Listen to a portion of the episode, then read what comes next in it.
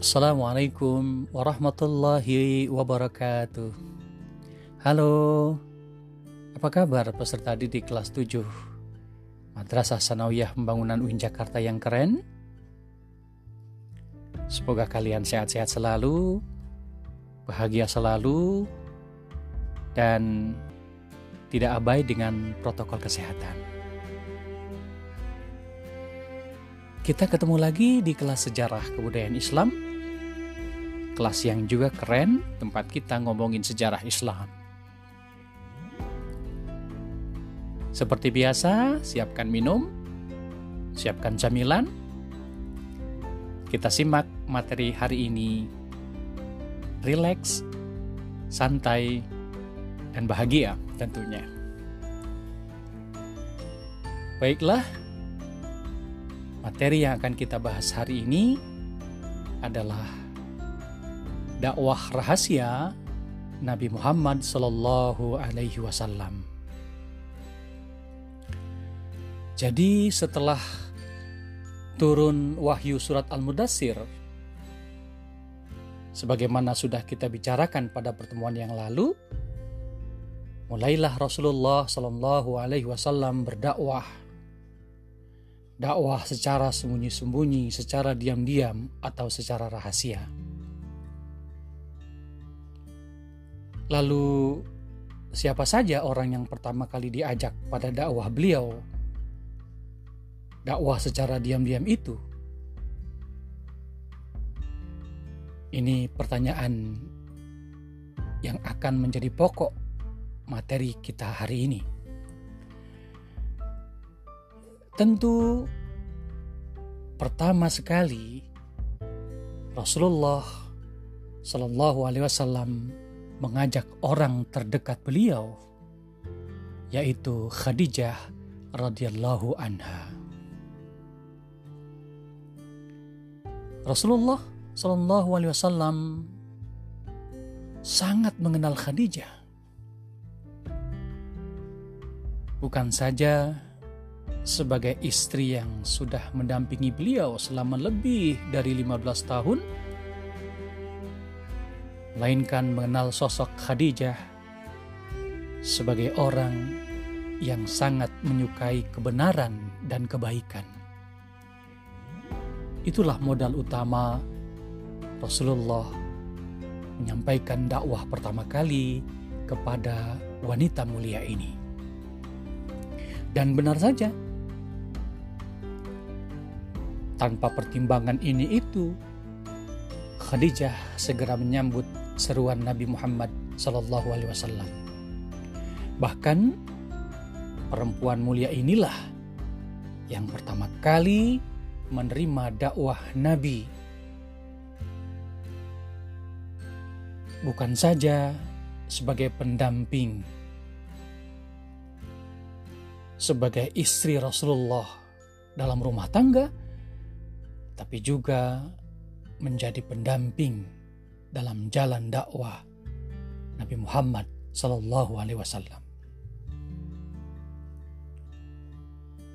Lalu setelah Khadijah radhiyallahu anha, siapa lagi yang menerima dakwah beliau?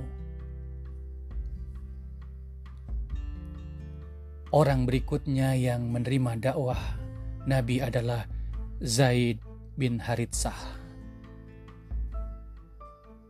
Zaid itu siapa? Zaid bin Haritsah adalah mantan budak yang sudah dianggap Nabi Muhammad Shallallahu Alaihi Wasallam seperti anak sendiri. Nabi sangat menyayangi Zaid sebagaimana Zaid sangat menyayangi Nabi Muhammad Sallallahu Alaihi Wasallam. Satu kali Zaid pernah disuruh untuk memilih kembali kepada kedua orang tuanya dan sanak familinya, atau tetap bersama Nabi Muhammad Sallallahu Alaihi Wasallam. Zaid memilih yang kedua. Oleh sebab itu, Tidak ada keraguan sedikit pun bagi Zaid untuk menerima dakwah Nabi Muhammad Sallallahu Alaihi Wasallam. Nah, setelah Zaid memeluk Islam, menerima seruan dakwah Nabi, Nabi kemudian mengajak Ali bin Abi Thalib, putra pamannya yang selama ini hidup di bawah asuhan Nabi sendiri. Dan waktu itu Ali masih kanak-kanak. Tercatat dalam sejarah, Ali lah kanak-kanak yang pertama masuk Islam. Tentu saja Nabi mengajak putri-putri beliau tercinta untuk menerima Islam, yaitu Zainab, Fatimah, Ruqayyah, dan Ummu Kulsum, putri-putri tercinta beliau menerima dakwah Nabi Muhammad Sallallahu Alaihi Wasallam. Lengkaplah dakwah secara sembunyi-sembunyi yang diterima oleh orang-orang terdekat Nabi yang menjadi modal pertama dakwah sembunyi-sembunyi berikutnya. Maka setelah keluarga dekat memeluk Islam, Nabi kemudian mengajak sahabat terdekat beliau, yakni Abu Bakar As-Siddiq radhiyallahu anhu. Abu Bakar adalah sahabat karib Nabi yang segera menerima ajakan Nabi.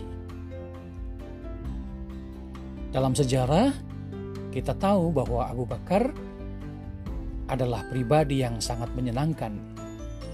Orangnya lemah lembut, simpatik, luwes dalam bergaul, dan suka menolong orang yang kesulitan. Para pemuka kaumnya pun sering mendatangi Abu Bakar. Mereka menyukai Abu Bakar karena pengetahuannya, kemampuannya berdagang, dan pergaulannya yang baik dan luas.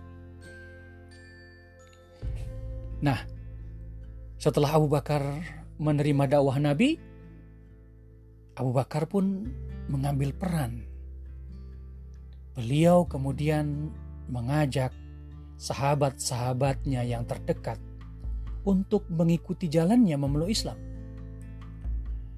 Maka berturut-turut sahabat-sahabat Abu Bakar As-Siddiq, seperti Osman bin Affan, Zubair bin Awam, Abdurrahman bin Auf, Sa'ad bin Abi Waqqas, dan Talhah bin Ubaidillah menerima dakwah Nabi Muhammad melalui perantaraan sahabat Abu Bakar As-Siddiq.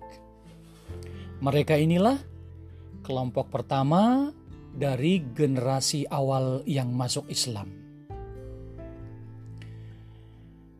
Nah, setelah kelompok pertama ini, di belakang hari kemudian puluhan orang lainnya, baik laki-laki maupun perempuan, masuk Islam dari suku Quraisy. Di antara mereka ada Abdullah bin Jarrah, Abu Salamah al-Ma'zumi beserta istrinya Ummu Salamah, Arqam bin Abil Arqam al-Mahzumi, Utsman bin Maz'un al-Jumahi, Ja'far bin Abi Talib beserta istrinya Asma binti Umais, Ummu Aiman, Ummul Fadl Lubabah binti Haris, istri Abbas ibnu Abdul Muthalib, Asma binti Abu Bakar, dan lain-lain. Kemudian dari luar suku Quraisy masuk juga. Beberapa sahabat menerima dakwah Nabi seperti Abdullah bin Mas'ud Al-Hadzali, Masbud ibnu Rabi'ah Al-Qari, Abdullah ibnu Jahshi Al-Asadi, Bilal bin Rabah Al-Habshi, Suhaib bin Sinan Ar-Rumi, Ammar bin Yasir Al-Ansi dan ayahnya Yasir serta ibunya Sumayyah, Amir bin Fuhaira, dan lain-lain. Mereka-mereka yang awal-awal masuk Islam ini yang dijuluki dengan sebutan As-Sabiqun al-Awwalun. Nah, inilah perjalanan Nabi Muhammad SAW berdakwah secara sembunyi-sembunyi selama lebih dari tiga tahun, ya, dari tahun 610 sampai 613 Masehi, lebih kurang tiga tahun lah.